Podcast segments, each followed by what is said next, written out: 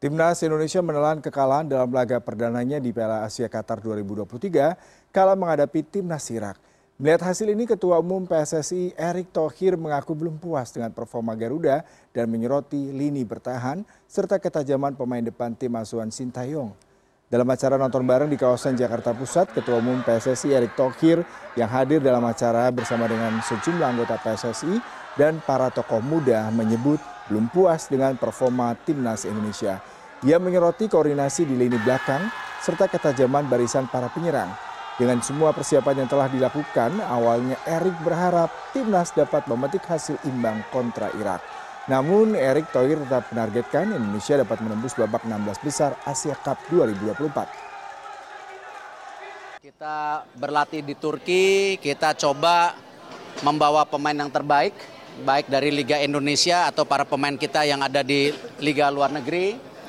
Tadi sempat satu-satu dan golnya di babak pertama juga karena kita bagian defense kita atau pertahanan kita agak berapa kali momentumnya hilang. Dan tadi kalau babak pertama kita bisa seri, mungkin beda pressure-nya. Cuman tadi kembali kita kecolongan. Ya di babak kedua saya rasa sama dan tentu saya berharap pelatih, para pemain mereview pertandingan hari ini.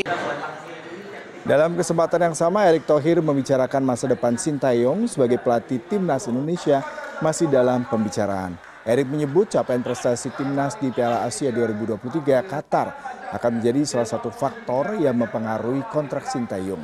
PSSI menargetkan pelatih asal Korea Selatan itu mampu membawa Garuda lolos ke 16 besar Piala Asia 2024.